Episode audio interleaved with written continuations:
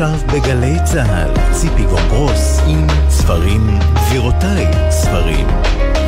הבית של החיילים, גלי צה"ל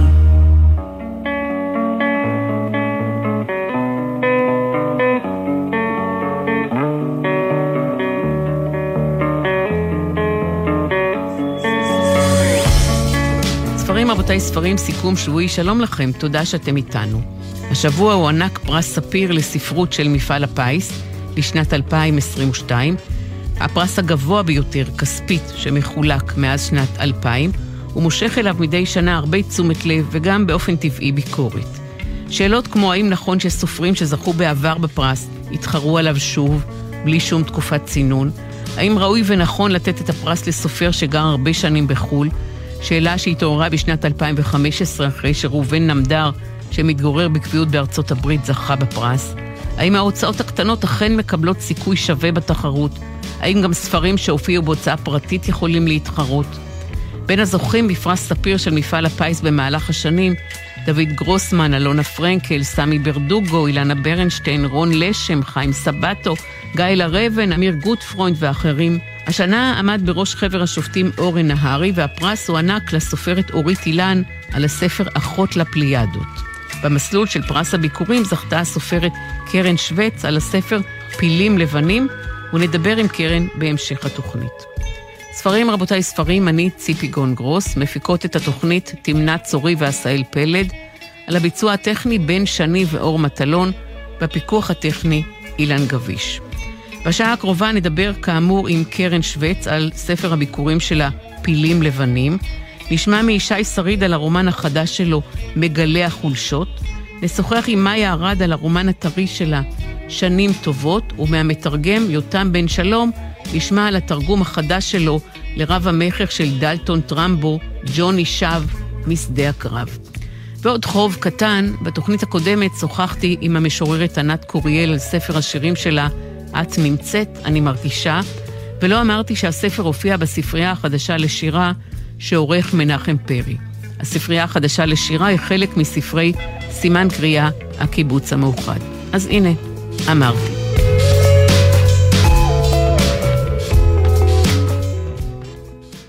השבוע הוכרזו שתי הזוכות בפרס ספיר לספרות של מפעל הפיס לשנת 2022. אורית אילן היא זוכת הפרס על ספרה אחות לפליידות, וקרן שווץ קיבלה את הפרס לספרי ביקורים על הרומן שלה פילים לבנים. מברוק גם לאורית וגם לקרן, שאיתה נדבר מיד.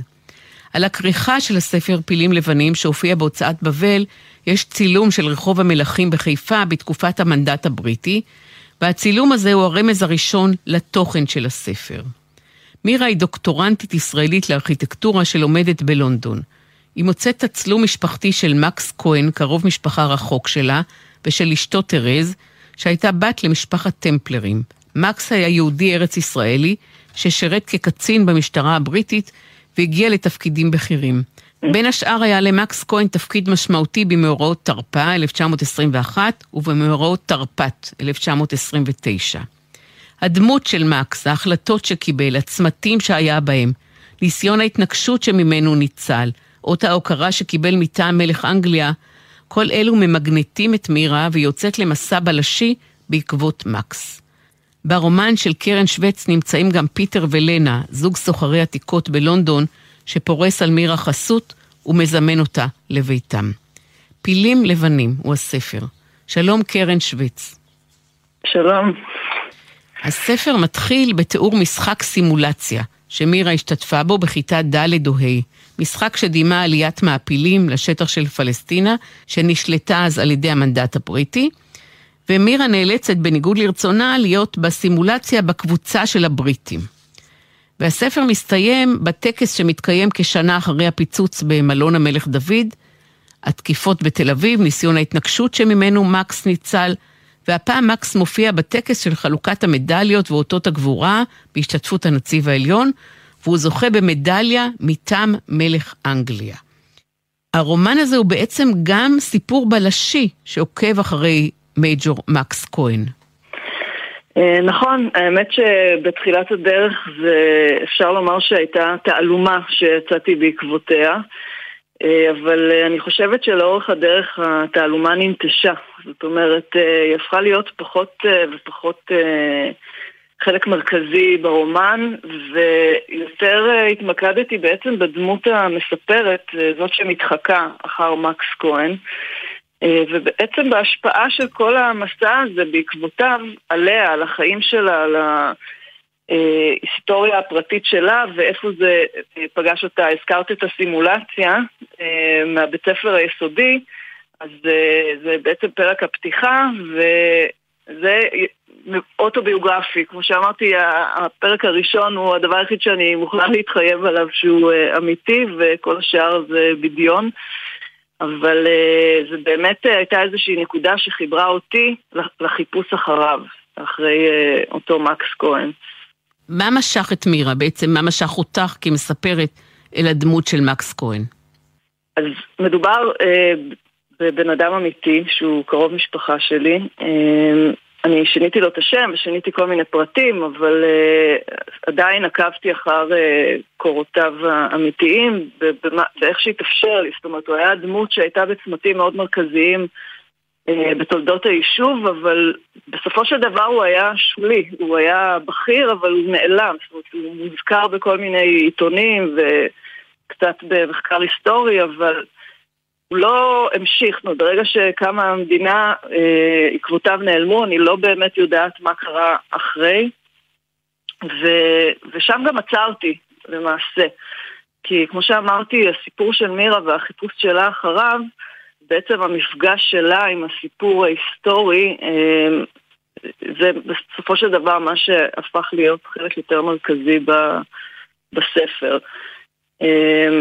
ובחרתי גם לסיים את, ה, אמ, את החיפוש אחריו, זאת אומרת, את הפרקים שהם אה, נכתבו בגוף שלישי ועוסקים בעצם בתיאור אה, היסטורי של אה, מספר אירועים, באמת רובם במאורעות תרפ"א ומאורעות תרפ"ט, 21 ו-29, אה, בניסיון התנגשות ש, ש, שבעצם לא ברור אם הוא ניצל ממנו או לא.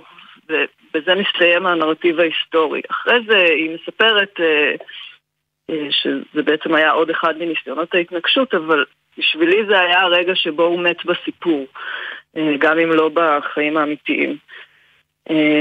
וזה גם שלב בסיפור שלה שהיא בעצם מתחילה להשתחרר גם מאותו אה, אה, סיפור אה, ילדות שלה עם הסימולציה, אה, סימולציית המעפילים וגם בהווה שלה בלונדון. זאת אומרת, אה, במצב שהיא נקלעה אליו, שהיא לא מצליחה לסיים את הדוקטורט, שהיא לא מבינה למה היא עושה אותו, שהיא הורגת אל מחוזות אה, כתיבה חופשית. אה, שנגמר לה הכסף, אה, המערכת יחסים שלה עם אותו זוג אה, סוחרים שהכניס אותה לביתם. אז זה נקודה כזו שבעצם שם הסיפור שלו מסתיים. וקטע שמאוד אהבתי בספר הוא המקום שבו את מחברת בין זיכרונות הילדות של מירה, האח שנולד לה אחרי עשר שנים ומת כתינוק מאוד קטן, לבין החדר שמחכה לתינוק של פיטר ולנה בלונדון. הנה ציטוט קצרצר מהספר למחרת בבוקר התעוררתי לתוך בית אחר. דלת חדרי נפתחה, שכבתי במיטה, אבא עמד שם, הוא אמר רק משפט אחד, אין לך אח יותר. מאוחר יותר הבנתי שהוא לא התעורר, גם לא מהרעש שהקמתי, סוף ציטוט. ומירה מאשימה את עצמה, מירה הילדה, אילו היא הייתה מחזירה למקום את תיבת הנגינה שהייתה בחדר של האח, אולי האח שלה לא היה מת. את מוכנה לספר על הקטע הזה, קרן? כן, זה קטע שהמעורבות הרגשית שלי פה היא מאוד גבוהה, אפילו ששוב זה לא ביוגרפי, אבל זה נוגע בחומרים אה, קרובים למציאות. אמ, אני חושבת שהקו המחבר פה בין הסיפור של מקס והחיפוש שלה אמ, זה אולי סוג של אשמה. אולי בעצם בסיפור שלו אה, שכל הזמן יש סביבו המון מוות, ו- ולכאורה יכול להיות שהוא אשם בו אפילו. זאת אומרת, במאורות תרפ"א היה איזה כשל בלעצור את התסיסה. בתרפ"ט היה סיפור עם uh, נער שהחזיק נשק, ובעצם ההתעכבות שלו סביב הנער הזה מנעה ממנו להיות במקום שבו קרה טבח. אז יש פה איזה, מין איזה ניסיון אה, אולי שלה אה, להתמודד עם התחושת אשמה הזו דרכו. ואני חושבת שבעצם כל המשיכה הזאת לפיטר ולנה זה שם אותה במקום, כמו שהרבה פעמים קורה בחיים, שאנחנו מחפשים לשחזר אה, אה, נקודות או אה, סיטואציות שבהן אה, יש איזושהי טראומה או פצע או כאב, ודרך השחזור וקונסטלציות אחרות של המשך החיים, ניסיון לפתור את זה מחדש או להתמודד עם זה אחרת. אה, ואני חושבת שזה מה שקורה לה אצלם, אצל אה, פיטר ולנה, עם החדר שמהדהד את החדר של הילדות. ואת הפחד הזה שהם מסמנים אותה כאיזה קמע, שזה לא יכול להיות, זה הכי רחוק מהתחושות הפנימיות שלה, שהיא נושאת איזה צלקת של אשמה, והם בעצם נותנים לה איזה כוח שהוא הפוך מהחוויה שלה בעולם. אז uh, אני חושבת שזה הניסיון שלה לתיקון על אותו רגע משמעותי. ולמה בחרת, קרן, לקרוא לספר פילים לבנים? אני חושבת שהתמה של, אה, של הפילים הלבנים חוזרת אה, בכמה מישורים, בכמה רבדים. קודם כל יש את הדבר שמוצהר, שזה הדוקטורט שלה, זאת אומרת היא עוסקת בפילים לבנים באדריכלות והיא מתחקה, מחפשת אחר אובייקטים למחקר, כאלה שבעצם נוצרו עם איזושהי יומרנות אולי גדולה או מעשה אוטופי וחזון ובעצם סיימו כ- כפיל לבן, כמשהו שאין בו שימוש, שלא הגשים את המטרות שלו.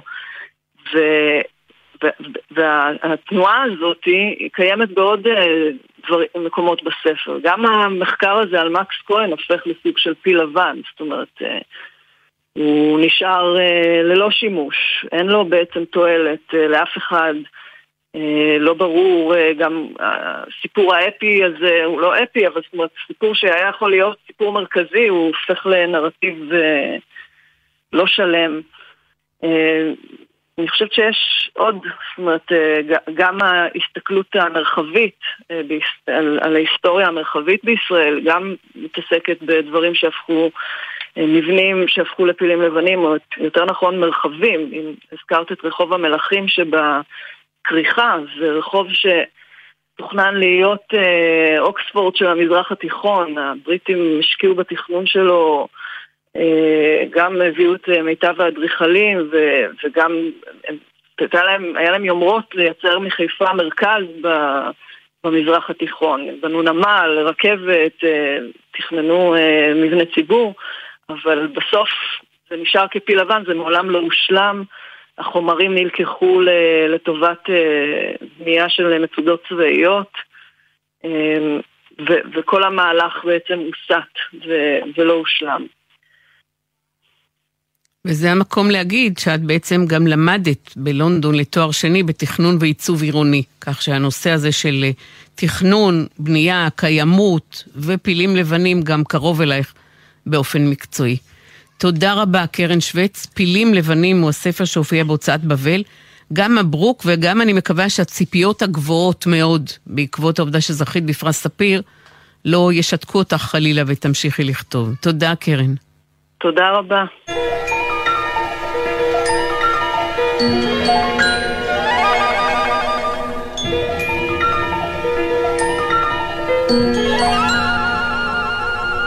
מגלה החולשות הוא הרומן החדש, השביעי במספר, שמפרסם עכשיו ישי שריד בהוצאת עם עובד. זיו הוא הגיבור שלו. בצבא הוא שירת ביחידת מודיעין מובחרת, חלם ללמוד אסטרופיזיקה באוניברסיטה, אבל איש מילואים שמגיע ליחידה מגייס אותו לעבודה בחברת המודיעין הפרטית הטובה בעולם. חדירה לטלפונים ולמחשבים זו ההתמחות של החברה, והמייסד של החברה, בולקה, מבטיח לו שיצרפו אותו לנסיעות למקומות מעניינים בעולם, מציע לו משכורת גבוהה, מניות בחברה בהמשך, תנאים מפנקים. נאמנות, יצירתיות וסודיות, זה מה שנדרש ממנו. המטרה היא לזהות חולשות בהגנה של רשתות ושל טלפונים ומחשבים, כדי שאפשר יהיה לפרוץ לתוכן. וזיו אכן מבצע את המשימה ביעילות ובכישרון. גם כשהוא נשלח למדינה הררית לא גדולה באירופה, גם באפריקה, מגלי החולשות הוא ספר שיש בו הרבה אנשי מודיעין, אנשים בחליפות אפורות, אנשים בחלוקים לבנים, גלאי שקר חדשני שכולל כבילה גרביטציונית, כלומר הנבדק דבוק לכיסא ולא יכול לזוז, אבל אין עליו קשירות או אזיקים. יש טכנולוגיה משוכללת שמאפשרת להחדיר מסרים לרשתות, לנתק כמויות גדולות של ניידים בבת אחת, ואפילו גרדומים יש ברומן. מגלה החולשות. שלום ישי שריד.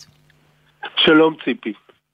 מצד אחד לזיו יש המון כוח. הוא יכול לחדור לחיים של אנשים בכל מקום בעולם. להאזין לשיחות שלהם, לראות מה הם עושים, לשלוח מסרים לטלפונים שלהם, להכריח אותם לצפות במסרים האלה. הוא יכול לשלוט על הגורל שלהם בעצם. אבל מצד שני, לא בעצמו יש הרבה חולשות בתחום הרגשי. הוא מאוד בודד, הוא נואש לאהבה ולחברות. הוא מחזר באיזה דרך גמלונית אחרי איריס המתורגמנית היפה שעוזרת לו. אה, כן, זה סיפור על, אה, סיפור על התבגרות. ואת יודעת, בימינו התבגרות היא כבר מזמן לא נגמרת בגיל 18, אלא נמשכת אה, אה, הרבה ועמוק לתוך שנות ה-20 והרבה פעמים מעבר לכך. ובאמת יש פער עצום בין הכוח שיש לזיו בידיים, אה, שיכול להשתלט על כל טלפון בעולם ולהיכנס לחיים של כל בן אדם ולעשות מניפולציות ואלף ואחד אה, תרגילים אה, במקומות הכי כמוסים של אנשים אחרים. ומצד שני החיים הפרטיים שלו, האישיות שלו, האופן שבו הוא מאורגן בחיים היא, היא בבלגן מוחלט. והוא מחפש את עצמו, הוא נוסע, הוא נוסע לפה, הוא נוסע לשם. הוא מסתכל על העולם בצורה מאוד ייחודית. אמ, אבל אה, אני, אני חושב שהוא, זה, זה מילים קצת גבוהות מבטא דור, אבל יש בזה גם ביטוי של דור אני חושב. שמבחינה טכנולוגית מאוד מתקדם, אבל מבחינת הרגשות ומבחינת העולם הפנימי, uh, הדברים מאוד לא מסודרים. אבא שלו הוא איש שנכשל כלכלית בכל דבר שהוא עשה. אימא שלו היא אחות בפגייה בבית החולים, היא עובדת המון משמרות כדי לפרנס את המשפחה, אבל הדמות הכי משמעותית בחיים של זיו היא אחותו שירי. מאז המקרה של שירי, היא הייתה נעלמת מהבית, הידרדרה לסמים, הייתה חוזרת הביתה ושוב נעלמת, והמשפחה מצפה מזיו להציל את שירי. יש כאן גם אשמה שזיו מרגיש, כי בגלל שהוא שכח לאסוף את שירי מהחוג קרה המקרה, וגם אחריות כבדה שהוא מרגיש להושיע אותה. כן, דרך אגב, הוא, הוא שכח אותה כי הוא לרגע לא שם לב לטלפון הנייד שלו. זאת אומרת, ברגע אחד ב, בילדותו, בנעוריו המוקדמים שהוא הרשה לעצמו להתנתק, אז uh, קרה המקרה הזה. Uh, והספר הזה הוא ספר, uh, הוא גם על כל מה שאמרת, על הייטק ועל ריגול וכל הדברים האלה, אבל הוא גם על מאוד על חצרות אחוריות ועל סודות ועל מרתפים ועל דברים אה, סמויים מהעין גם, גם במציאות וגם בתוכנו. אה, וזיוי סוחב איתו את העניין הזה, את, האחריות הזאת, את, את תחושת האשמה הזאת. אה, וזה לכל אורך הספר, הוא לא... אלמלא התחושה הזאת יכול להיות שהוא לא היה מתגלגל גם לכל ההרפתקה הזאת. כי בעצם הוא אולי היה נוסע לטייל כמו בחור רגיל אחרי צבא. אבל מכיוון שהוא לא יכול לעזוב פה, הוא צריך לשמור על שירי כל הזמן, אז הוא צריך להישאר והוא מתחיל לעבוד בחברה הזאת. ואיפה איפה ישי ההיבט האתי של הטכנולוגיה המשוכללת הזאת, שחברת הסייבר מפעילה בשירות משטרים אפלים? הטכנולוגיה שגם זיו מנצל אותה, כדי למשל לגלות את ההתכתבות הרומנטית בין אימא שלו לבין הרופא האורתופד, גם כדי לאתר את הסוחר שמספק לשירי אחותו סמים. איפה האתיקה? תראי, העניין הזה הוא, הוא, אלה כלים מאוד מאוד אה, קשים, חדים ואכזריים, זה כמו כלי נשק אה, לא קונבנציונלי. כי באמת יש פה חדירה עצומה לחיים של אנשים, יכולת להרוס את חייהם. למקומות הכי כמוסים שלהם, הרי אנחנו יודעים שאנחנו מחזיקים היום בטלפונים שלנו אה, את הדברים הכי כמוסים שלנו, ובשיטת ההאזנה הזאת אפשר גם, אה, הטלפון שאליו חודרים משמש גם כמכשיר האזנה, זאת אומרת, אה, דרכו אפשר לשמוע את כל מה שקורה בחדר מסביב. וכל התמונות וכל הדברים האלה. עכשיו, מכיוון שזה נשק כל כך אה, חד אה, וקיצוני, צריך לעשות בו שימוש מאוד מאוד uh, זהיר ורק כשחייבים, כמו שלפעמים צריכים בצבא. בצבא גם הורגים אנשים לפעמים כדי להתגונן, אין, זה, זה חלק מתפקידו של צבא.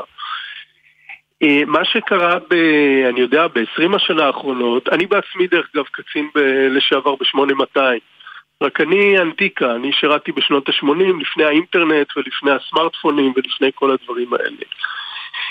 אה, ומה שקרה בדור האחרון הוא שהגבול והחיץ בין הכורח הצבאי של מה שעושים במודיעין של הצבא ושל גופי הביטחון לבין מה שקורה בחוץ, הגבול הזה היטשטש כי אנחנו יודעים שחבר'ה אה, עובדים בצבא בדברים כאלה ואז מיד משרתים בצבא ואז מיד אה, עוברים לחברות אזרחיות שמתעסקות בתחום הזה.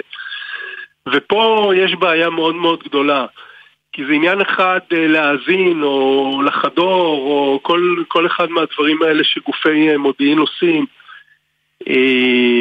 מטעם מדינה לצורך ביטחוני, גם שם יכולות להיות בעיות, אבל זה, זה מאורגן, זה מפוקח, צריך לקוות למטרות ראויות.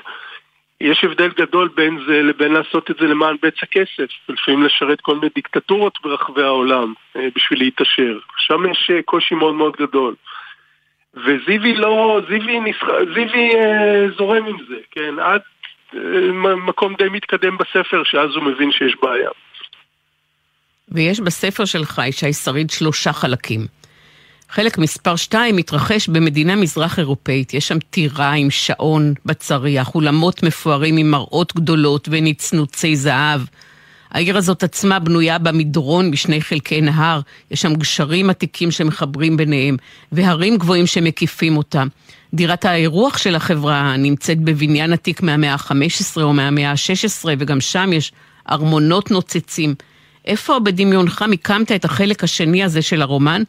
ואולי גם לאילו יצירות ספרותיות אחרות היית קשוב בחלק הזה. כן, זו שאלה מצוינת, ואני ראיתי את פראג מול העיניים, ופראג, אנחנו יודעים שהיא קשורה, בכלל צ'כיה ופראג קשורים אה, אה, גם לחייל האמיץ שווייק. שהוא, זיוי הזה הוא קצת חייל אמיץ כזה, זאת אומרת הוא לא כך מבין מה הוא עושה עד שלב מאוחר, וככה ממלא את חובותיו. אבל בעיקר בעיקר מי שעמד לנגד עיניי זה קפקא. אה, קפקא והטירה וכל המקומות האלה. אמ, אבל מה שקורה בספר זה שקפקא עובר צד. זאת אומרת, אמרתי לעצמי מה קורה אם קפקא נולד בישראל ומגויס לחיל המודיעין, כן, או ל-8200. איך הוא מתמודד עם זה שם.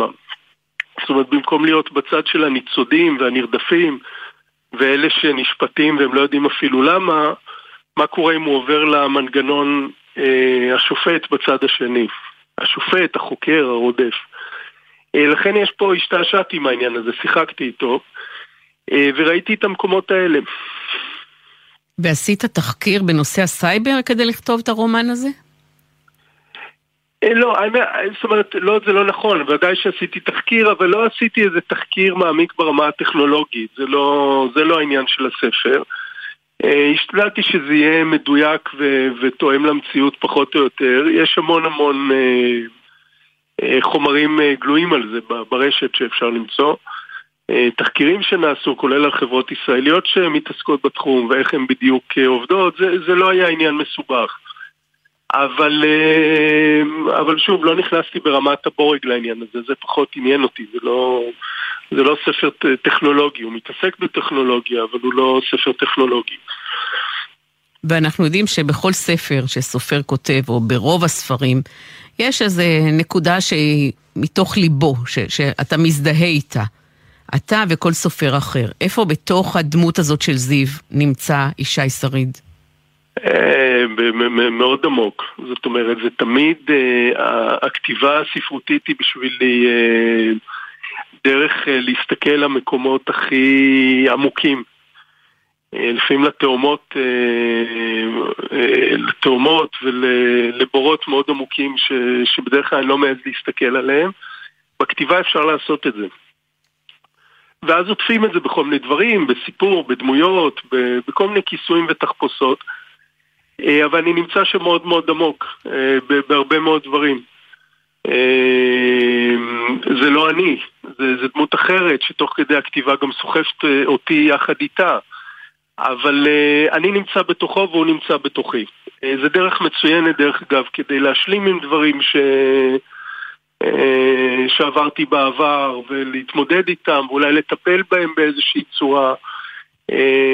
ובסוף יוצאת מזה יצירה ספרותית שקשה מאוד להפריד בין הדברים, אבל אני מושקע שם מאוד עמוק מבחינת הרגשות. תודה רבה, ישי שריד. מגלה החולשות הוא הספר, אני קראתי אותו מכריכה לכריכה ברצף ביומיים האחרונים, וגם שמעתי כבר על אנשים שקראו אותו ואהבו אותו מאוד. תודה רבה, ישי. תודה רבה, ציפי.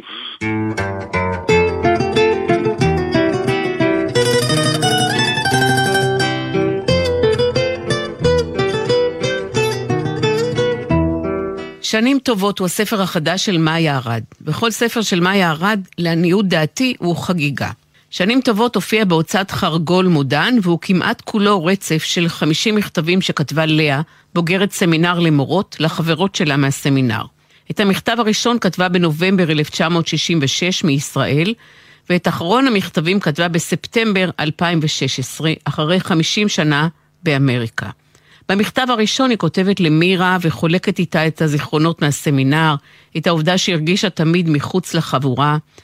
בהמשך היא מספרת במכתבים לחברות מהסמינר על המשפחה שלה, על הגירושים מג'ף, מספרת לחברות את החדשות המסעירות. אני, לאה מישראל, בוגרת סמינר למורות, מלמדת באוניברסיטת ברנדייס. היא מתארת את החופשה שלה בהוואי, את הקשר הזוגי עם לז, שאשתו מאושפזת בבית חולים פסיכיאטרי. מפרטת את הניסיון שלה כסוכנת נדל"ן, כותבת על הגברים בחייה, על הבושה שדווקא הבן הבכור הנפלא והמוצלח שלה הוא הומו, על הבושה בארי ובהתמכרות שלו לסמים ולאלכוהול. חמישים שנה, חמישים מכתבים של לאה צוקרמן. שנים טובות הוא הספר. שלום מאיה ארד. שלום ציפי. אמרתי רומן מכתבים, ובאמת יש בספר חמישים מכתבים שכתבה לאה צוקרמן, אבל למה בחרת, מאיה, לכתוב את המכתבים שלה ולא לכתוב את מכתבי התשובה לטקסטים שהיא שלחה? אה, זו שאלה טובה. אני חושבת שפשוט ככה הופיע אצלי בראש הרעיון לספר. אה, חשבתי על אישה שנוסעת לאמריקה ללמד עברית, ומדי שנה היא כותבת על החברות בסמינר. וחשבתי שהיה כוח דווקא במכתבים האלה, בלי התשובות. אה, באמת קודם כל הם עומדים בפני עצמם וככה דווקא בגלל שאין תשובות אנחנו צריכים אה, אה, להסיק דבר מתוך דבר, להבין. דבר שני זה שהרבה מהספר, את ציינת קודם שלאה הרגישה את עצמה קצת מחוץ לחבורה בסמינר, הרבה מהמכתבים האלה, היא כותבת אגב לא, חלקם מופנים רק למירה שהייתה החברה הטובה שלה והיא מתלוננת שם. הבנות, כמובן אף אחת מהבנות לא טרחה לענות לי, אני כותבת לך בכל זאת ותעדכני אותי מה קורה אצל כולן. מדי כמה שנים היא שוב עושה איזה ניסיון, נגיד אה, אחרי מלחמת יום כיפור, היא אומרת הגיע הזמן לאחדות, בואו נדבר, או אחרי עשר שנים באמריקה היא שוב פונה לכולן. בהדרגה יש איזו חבורה קטנה שכן כנראה עונה לה במכתבים והיא ממשיכה לכתוב להן, אבל באמת, אני חושבת שכוחו של הספר זה דווקא בצמצום הזה שאנחנו רואים רק צד אחד. מצד אחד אנחנו מדברות על רומן מכתבים, אבל מצד שני, בגלל שחמישים שנה המכתבים האלה נפרסים לאורך חמישים שנה, זה גם סוג של רומן היסטורי. אה, זה נכון. אמנם, את יודעת, רומן היסטורי בהגדרה הממש אה, טכנית שלו זה רומן שבו האירועים ההיסטוריים הם בחזית, נגיד רומן ככה בין שתי ערים אה, על המהפכה הצרפתית. במובן הזה זה לא רומן היסטורי, אבל זה בהחלט רומן שיש לו רקע היסטורי, ואלה 50 שנה שחלו בהם המון המון המון שינויים. אפילו, את יודעת, בדרך שבה אנחנו שולחים מכתב, במכתב הראשון לאה מתגאה היא גילתה המצאה עצומה, מכונת הצילום. היא, היא לא צריכה לעשות סטנסילים ולא צריכה נייר קופי, היא יכולה לעשות 100 עותקים. והמכתב האחרון כמובן נשלח אה, במחשב בדואר אלקטרוני. אבל גם תקופה באמת שחל בה המון המון שינוי ביחס לנשים, אה, ביחס למיעוטים, אה, להומואים, ביחס להתמכרויות, אז באמת לאה חייתה את השינוי הזה ועברה אותו. אני מאוד השתדלתי שהמכתבים יהיו אורגניים. אני לא כל כך אוהבת ברומנים למכתבים שמתחילים להסביר מה קרה למי שלא יודע. אז uh, אני, אני החלטתי שאני אשאיר לקוראים את העבודה הקשה, הקוראים שלא היו שם נגיד בשנת 73-4 ולאה כותבת, uh, והנשיא האמריקאי הזה שלא עזר לישראל בזמן, הוא בא על עונשו. אז אני מניחה שאני ואת יודעות מה קרה לו, וקוראים אחרים יבדקו באינטרנט ויגלו. לא רציתי לעשות יותר מדי הסברים ולהכיל בכפית. ומהמכתבים של לאה עולה תמונה של אישה חזקה, אישה עם תושייה וחוש הומור ושמחת חיים. היא אישה מאוד יפה, היא מאוד יפה, היא מאוד מחוזרת, אבל חווה גם הרבה אכזבות מהגברים בחייה. בכל זאת היא אופטימית. אולי את האופטימיות שלה מבטא הכי טוב הציטוט שהיא העתיקה מדוקטור סוס. Don't cry because it's over, smile because it happened. מה מאפשר לה להיות אופטימית עד כדי כך, מאיה? וואו, אם אני ידעתי מה מאפשר לה להיות כזאת אופטימית, אולי הייתי מנסה את זה על עצמי. את יודעת, במובן הזה זה היה אה, חוויה מאוד מעניינת וכיפית לכתוב על דמות שהיא כל כך שונה ממני. היא באמת באמת אה, אה, מאמינה בטוב, מאמינה שיהיה טוב. אם קורה משהו רע, אז היא בטוחה שאוקיי, הגענו לתחתית, עכשיו יהיה טוב. כמובן שלא תמיד זה המקרה, אבל אה, אה, אני, אני באמת לא, אני, אני מניחה שזה פשוט אופי כזה, ואולי גם, את יודעת, כמו שהבן שלה כותב במכתב האחרון שבו הוא ככה סוגר את הספר ומתאר את אימא שלו, הוא אומר אה, אה, מה שהיא אה, הייתה קוראת אופטימיות, אני אולי הייתי קוראת תמימות על גבול הטיפשות. אבל uh, יש משהו מאוד מאוד שובה לב בעיניי באמת באופן שבו לאה מאמינה שיהיה בסדר, והיא מאמינה שהיא תפגוש גם בגיל uh, 70, היא אומרת, אני עוד אפגוש את אהבת חיי, זה יהיה בסדר. Uh, והיא מאמינה שהיא תסתדר כלכלית, ובאיזשהו מקום אני חושבת שבן אדם שחי ככה, אז למרות הכישלונות והאכזבות, הוא יודע למצוא את הטוב בכל דבר, ו... באמת, היא, היא, היא, היא אוהבת לכתוב, היא אוהבת אה, אה, בני אדם. היא אוהבת את החיים, והיא מוצאת את עצמה, אפילו בסוף, אה, בסוף הספר שכבר אה, אה, נראה שהאופק מצטמצם ואין עוד הרבה למה לחכות, היא פתאום מוצאת את עצמה בתפקיד גורו של האימהות הצעירות הישראליות בעמק הסיליקון ועוזרת להן בעצות ובגידול ילדים, וטוב לה. אז במובן אחר, לאה היא גם דמות מאוד מאוד שונה מהדמויות שלי. הייתה פחות, היא לא אינטלקטואלית, היא לא אקדמאית, והיה חשש די גדול להוציא לאור ספר, שבו אישה, את יודעת, אה, רגילה, שחיה חיים רגילים בלי איזה דרמות גדולות, ולא כותבת עליהן בצורה מי יודע מה, כביכול גבוהת מצח. מדברת, מדברת, מדברת לאורך ספר שלם. חשבתי שאולי היו חלק מהקוראים שיבלבלו את זה ויחשבו שזו אני מדברת. ואולי מאותה סיבה, הגוף של הספר, כבר אמרתי, הם 50 מכתבים, אבל למכתבים האלה יש מעטפת. הספר נפתח בטקסט של העורכת, דוקטור גבריאלה סדן סדובניק, שייסדה את הוצאת קלפטה לצורך הוצאת הספר, ויונתן צוקרמן, הבן של לאה, פנה אליה כדי שתעשה משהו עם המכתבים. והספר מסתיים באחרית דבר שכתב אותו יונתן צוקרמן, הבן ההומו המוכשר של לאה, הוא זה שמסר לעורכת גבריאלה סדן את המכתבים.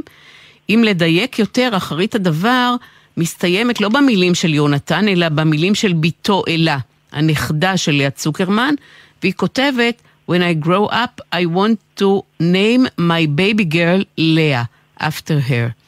למה בחרת מאיה ארד לארוז את המכתבים בפתיח של העורכת ובאחרית הדבר של בנה, יונתן צוקרמן? אז קודם כל זה איזושהי אה, קונבנציה של אה, רומן במכתבים, אפילו אם אני חושבת על אה, יחסים מסוכנים, אז יש שם איזה, הוא נפתח במנהרה קטנה, לפניכם אוסף מכתבים מהחוג החברתי בעיר זאת וזאת.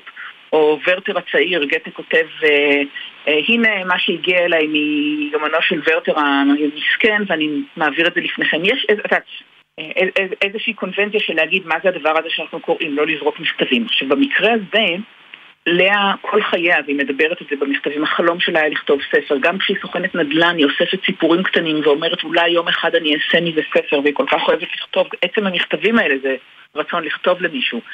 אז uh, רציתי שיהיה איזשהו ביטוי לחומריות הזאת של הנה, היא הצליחה להוציא סוף סוף ספר, ולכן uh, עטפתי אותו בהקדמה ואחרית הדבר.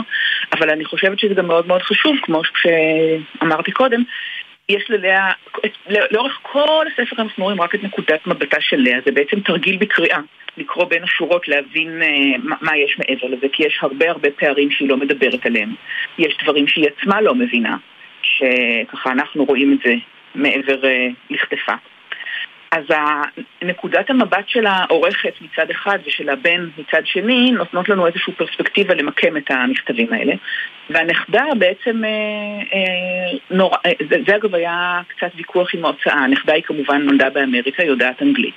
וההוצאה רצתה שככה נתרגם את המכתב, ואני אמרתי לא, זה, זה ילדה, זה שפת הילדה. את המכתב של יונתן אפשר לתרגם, אפשר להעביר אותו לעברית, אבל הילדה אה, בשפה של ילדים זה לא יעבור בעברית, התעקשתי שהיא תהיה באנגלית, אני מניחה שאין מישהו שלא יכול אה, לקרוא את זה.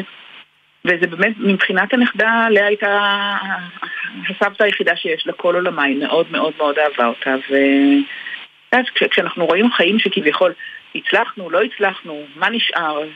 נשאר הנכדה.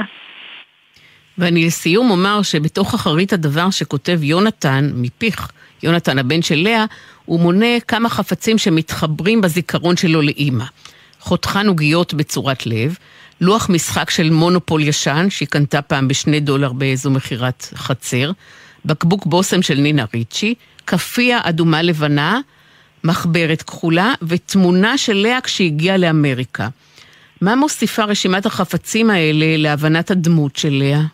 קודם כל, אה, אני אהיה גלויה, אני, אני עצמי חיפשתי איזשהו עוגן איך לכתוב את אחרית הדבר של יונתן.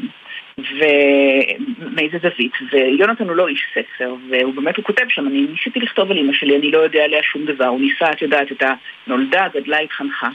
ואז העורכת גבריאלה אמרה לו, תנסה, נתנה לו מין תרגיל כזה של כתיבה יוצרת, תחשוב על איזה חפץ שמזכיר לך את אימא שלך. ואז באמת דרך החפצים האלה, אז אה, חותכן העוגיות מזכיר לו איך... אה, אה, לאה בזמנים קשים מאוד כשאבא שלהם אה, פשט את הרגל וברח מהבית, הייתה נאבקת להאכיל אותם ומכינה להם כל מיני עוגיות אה, תוצרת בית. הבקבוק הבושם הזכיר לו כמה היא הייתה ככה יפה ומחוזרת, והוא הוא, הוא, כמובן בתור ילד ראה אותה כמגונדרת. לוח המונופול זה האהבה שלה לנדל"ן, לבתים, אפילו אם זה רק במשחק, החלום להתעשר עד הסוף, שבסוף גם כמובן אה, אה, רושש אותה. אה, והכפי הזה עבר בישראל, סיפור האהבה הגדול שבעקבותיו היא ברחה מישראל. והמחברת עם הציטוטים כמובן היא לאורך כל הספר. לאה מאוד מאוד מאוד אוהבת אמרות שפר וציטוטים, אפילו קצת כאלה שאנחנו קוראים להם לפעמים ציטוטים של מעריב לנוער. ככה, כוון לירח, גם אם לא תגיע, תיפול בין הכוכבים. היא באמת מאמינה בזה והיא מאמינה באופטימיות, אז אה, גם זה מזכיר לו אותה. ותוך כדי שהוא כותב על זה, הוא אומר פתאום, תמיד ראיתי רק את הטעויות האיומות שהיא עשתה, את כל הדברים הלא בסדר, ועכשיו אני קולט שהיא התמודדה עם מצבים מאוד קשים, גידלה לבד שני ילדים, והכל עם תושייה. אומרים ככה, זה מאיר לו את המציאות תוך כדי שהוא כותב, באור אחר. ואולי המשפט שהוא מצא במחברת הכחולה הוא המשפט שבעצם הוביל אותו להוצאת הספר הזה. אין דבר מייסר יותר מסיפור שלא סופר וקבור בנשמה שלך. זה המשפט שלאה העתיקה לתוך המחברת שלה. תודה רבה, מאיה ארד. שנים טובות הוא הספר שהופיע בהוצאת חרגול מודן. תודה. תודה, ציפי.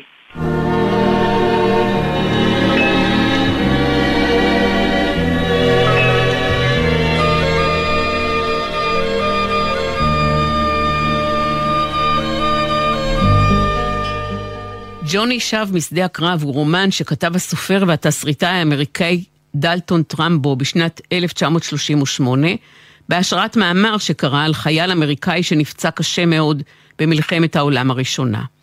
הרומן הזה הוא מונולוג של ג'ו בונהם ששוכב בבית חולים ולא מבין מה קרה לו. הוא לא שומע, לא רואה, מאכילים אותו דרך צינור, הוא כרות רגליים וידיים, אבל כעבור זמן מה הוא כבר יודע להבדיל בין יום ללילה בלי להתאמץ בשעת הזריחה. הוא יודע בדיוק באיזה ביקור תרחץ אותו האחות ותחליף לו מצעים. יודע להבדיל בין האחיות שמטפלות בו. לאחות היום יש ידיים חלקות ונעימות נוקשות במקצת, כמו ידיים של אישה שעבדה הרבה ולכן הוא מנחש שהיא בגיל העמידה. הוא מדמיין שיש לה שיער אפור. הוא מתגעגע אל קארין שהייתה בת 19 כשאמר לה להתראות בתחנת הרכבת. האם קארין נמצאת עכשיו עם מישהו אחר? האם היא אישה? אולי יש לה עכשיו כבר תינוק? ג'וני שב משדה הקרב הופיע בעברית לראשונה בשנת 1974, ועכשיו מופיע מחדש בהוצאת אחוזת בית בתרגומו של יותם בן שלום. שלום יותם. שלום שלום. נכון יהיה לומר, יותם, שהספר הזה, ג'וני שב משדה הקרב, הוא קודם כל טקסט פציפיסטי, אנטי-מלחמתי, טקסט נגד מלחמת העולם הראשונה ונגד כל המלחמות.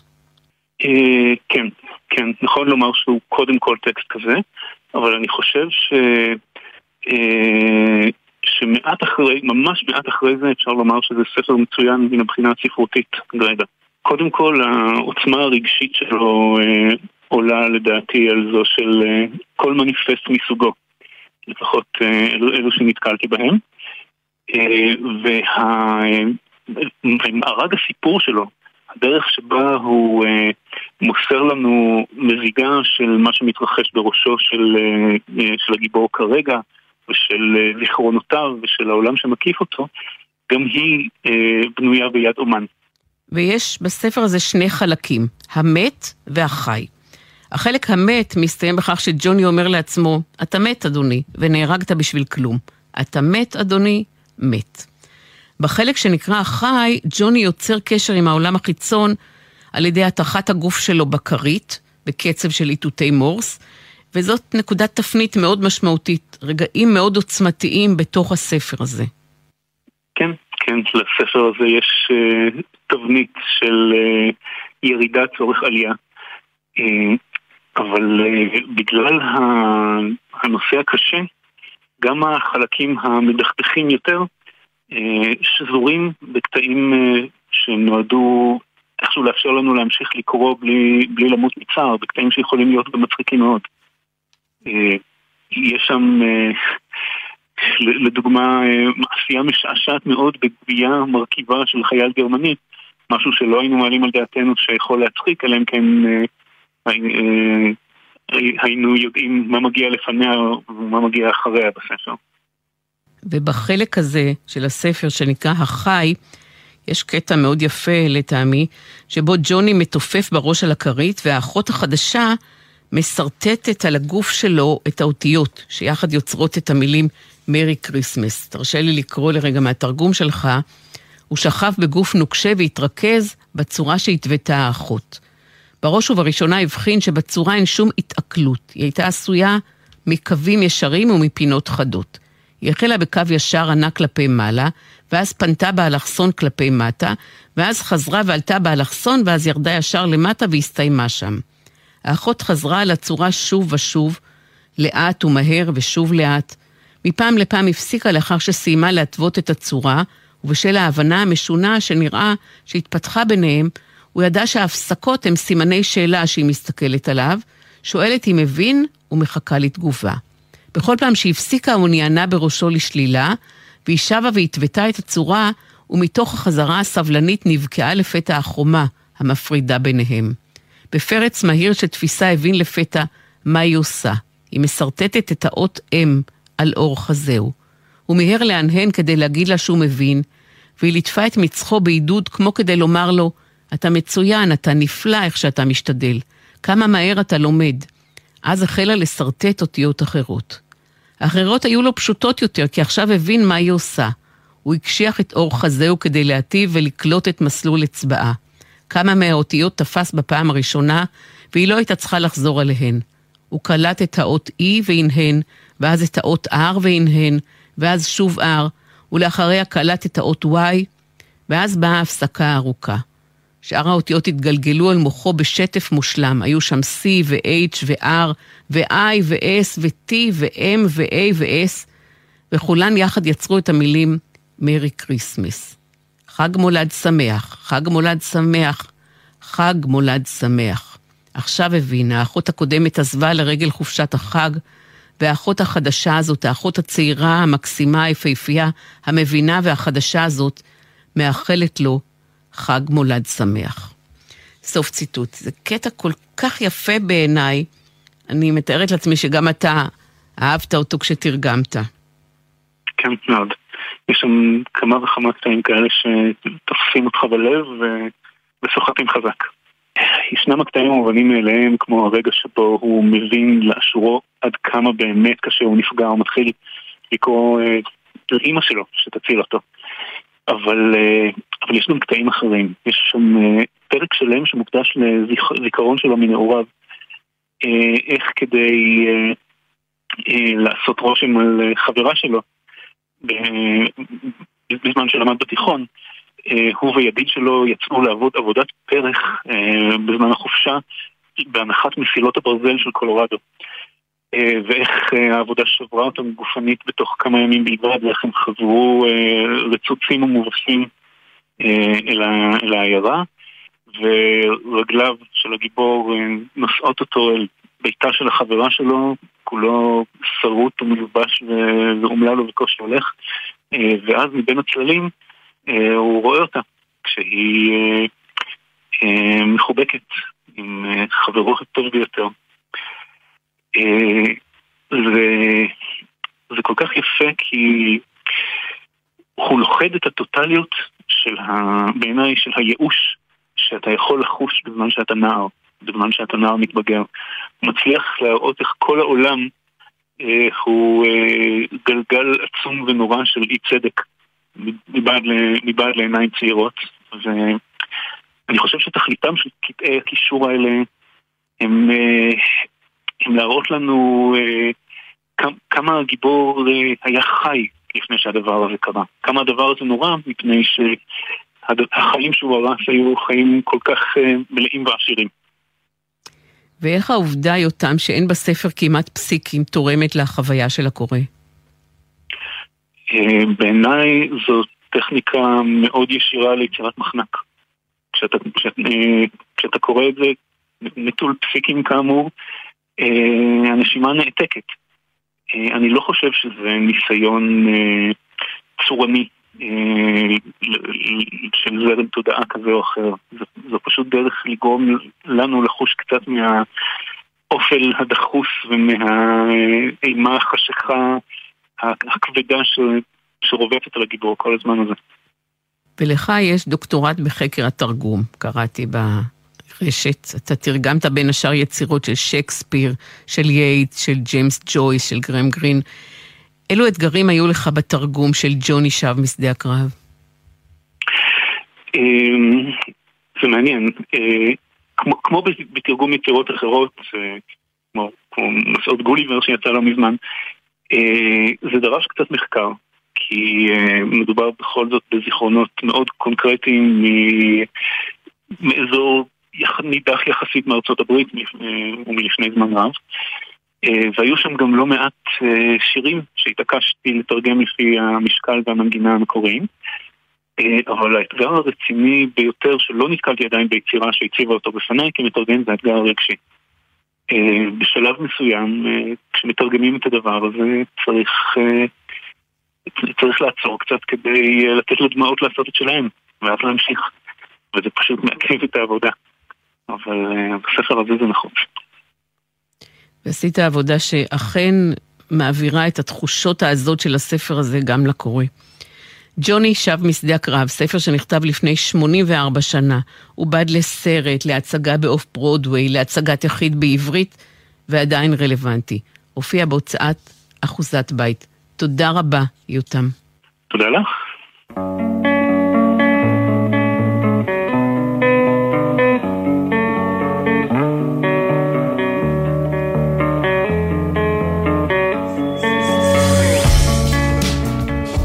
ספרים רבותיי ספרים, עד כאן התוכנית להיום. תודה לישי שריד, לקרן שווץ, למאיה ארד וליותם בן שלום. כתובת המייל לתגובות שלכם, ספרים, גון גרוס, כרוכי ג'ימל נקודה קום.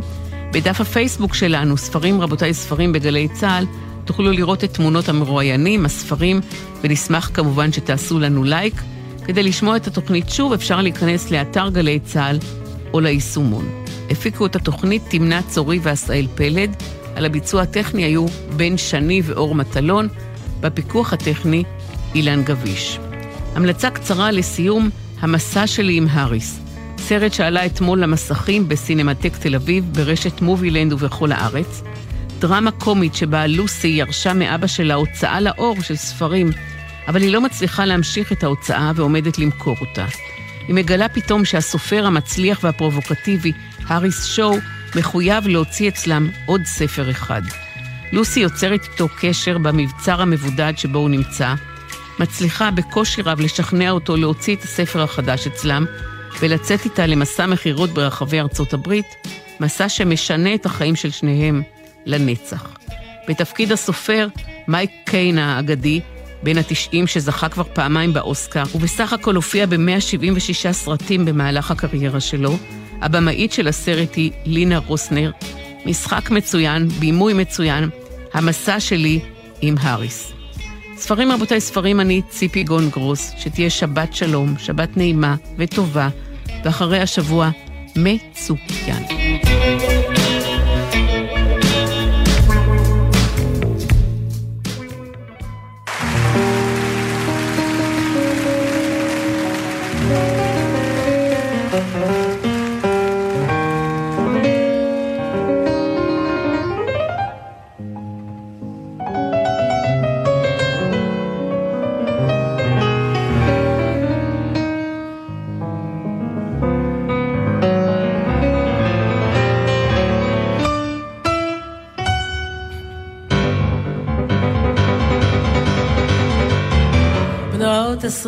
יוצאות בריקוד.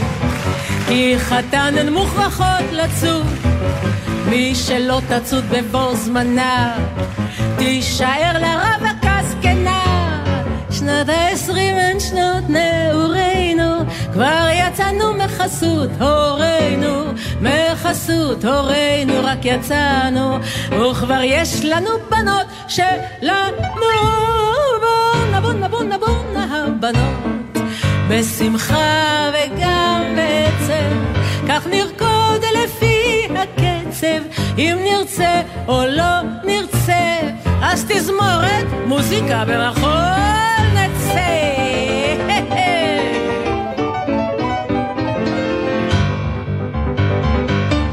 בנות שלושים הן מוכרחות לרקוד, רק בשביל לצאת מן האסירים. בנות שלושים הן מוכרחות לרקוד, שיחשבו שהן רק בנות עשרים. הילדים גדלים אל מול עינינו, עוד מעט נהיה כמו הורינו. מוכרחים לרקוד וגם לשמוח, זה עוזר לזכור וגם לשכוח. בואנה בואנה בואנה בואנה בואנה הבנות, בשמחה וגם בעצב, כך נרקוד לפי הקצב, אם נרצה או לא נרצה, אז תזמורת מוזיקה במחול נצא.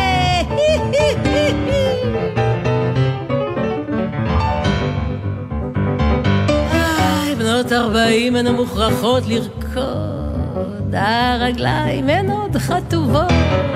אילו הן שנותינו הטובות, סוף סוף יצאנו מכל החובות, והבת היא כבר עלמה נחמדת, וגם היא עם בחורים רוקדת, וכשיש לנו ילדה כמוה, אז אפשר לרקוד וגם לשמוח.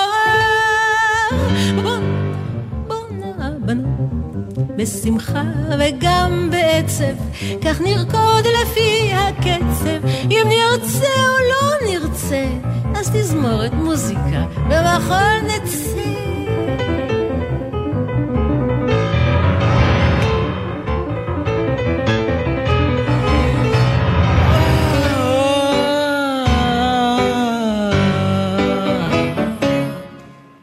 בנות מאין מוכרחות לרקוד.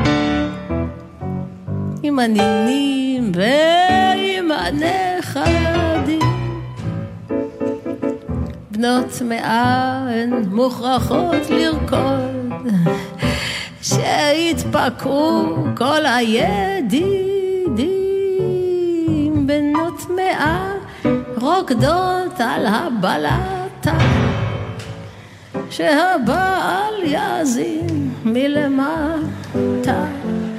גם אם בלב עוד יש טיפונת עצב, ברגליים עוד שרוי הקצב. someday he'll come along, the man I love, and he'll be big and strong, the man I love. And when he comes my way, I'll do my best to make him stay. I know I shall meet him Sunday, maybe Monday, maybe not. Still, I'm sure I'll meet him someday. Maybe Tuesday will be my good news. מה נשמע, נשמע, סוף השבוע,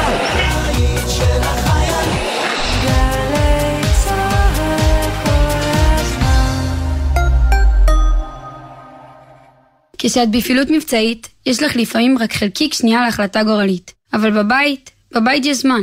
כאן סמלת רוני כהן מגדוד רם בחטיבת החילוץ וההדרכה. לפני שאת והחברות יוצאות לבלות, תחליטו מראש מי הנהגת התורנית שתיקח את המפתחות ותחזיר אתכן הביתה בסוף הערב. כי אפילו טיפת אלכוהול משפיעה על שיקול הדעת והיכולת להגיב בנהיגה. סומכת עלייך אחותי. גם אני מחויבת לאנשים שבדרך עם הרלב"ד.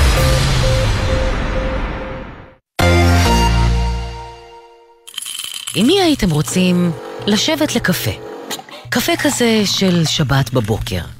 ברגע של נחת, שאפשר לדבר על הכל.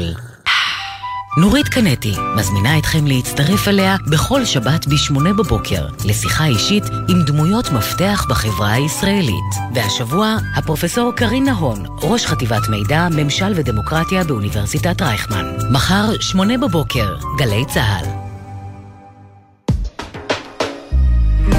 מיד אחרי החדשות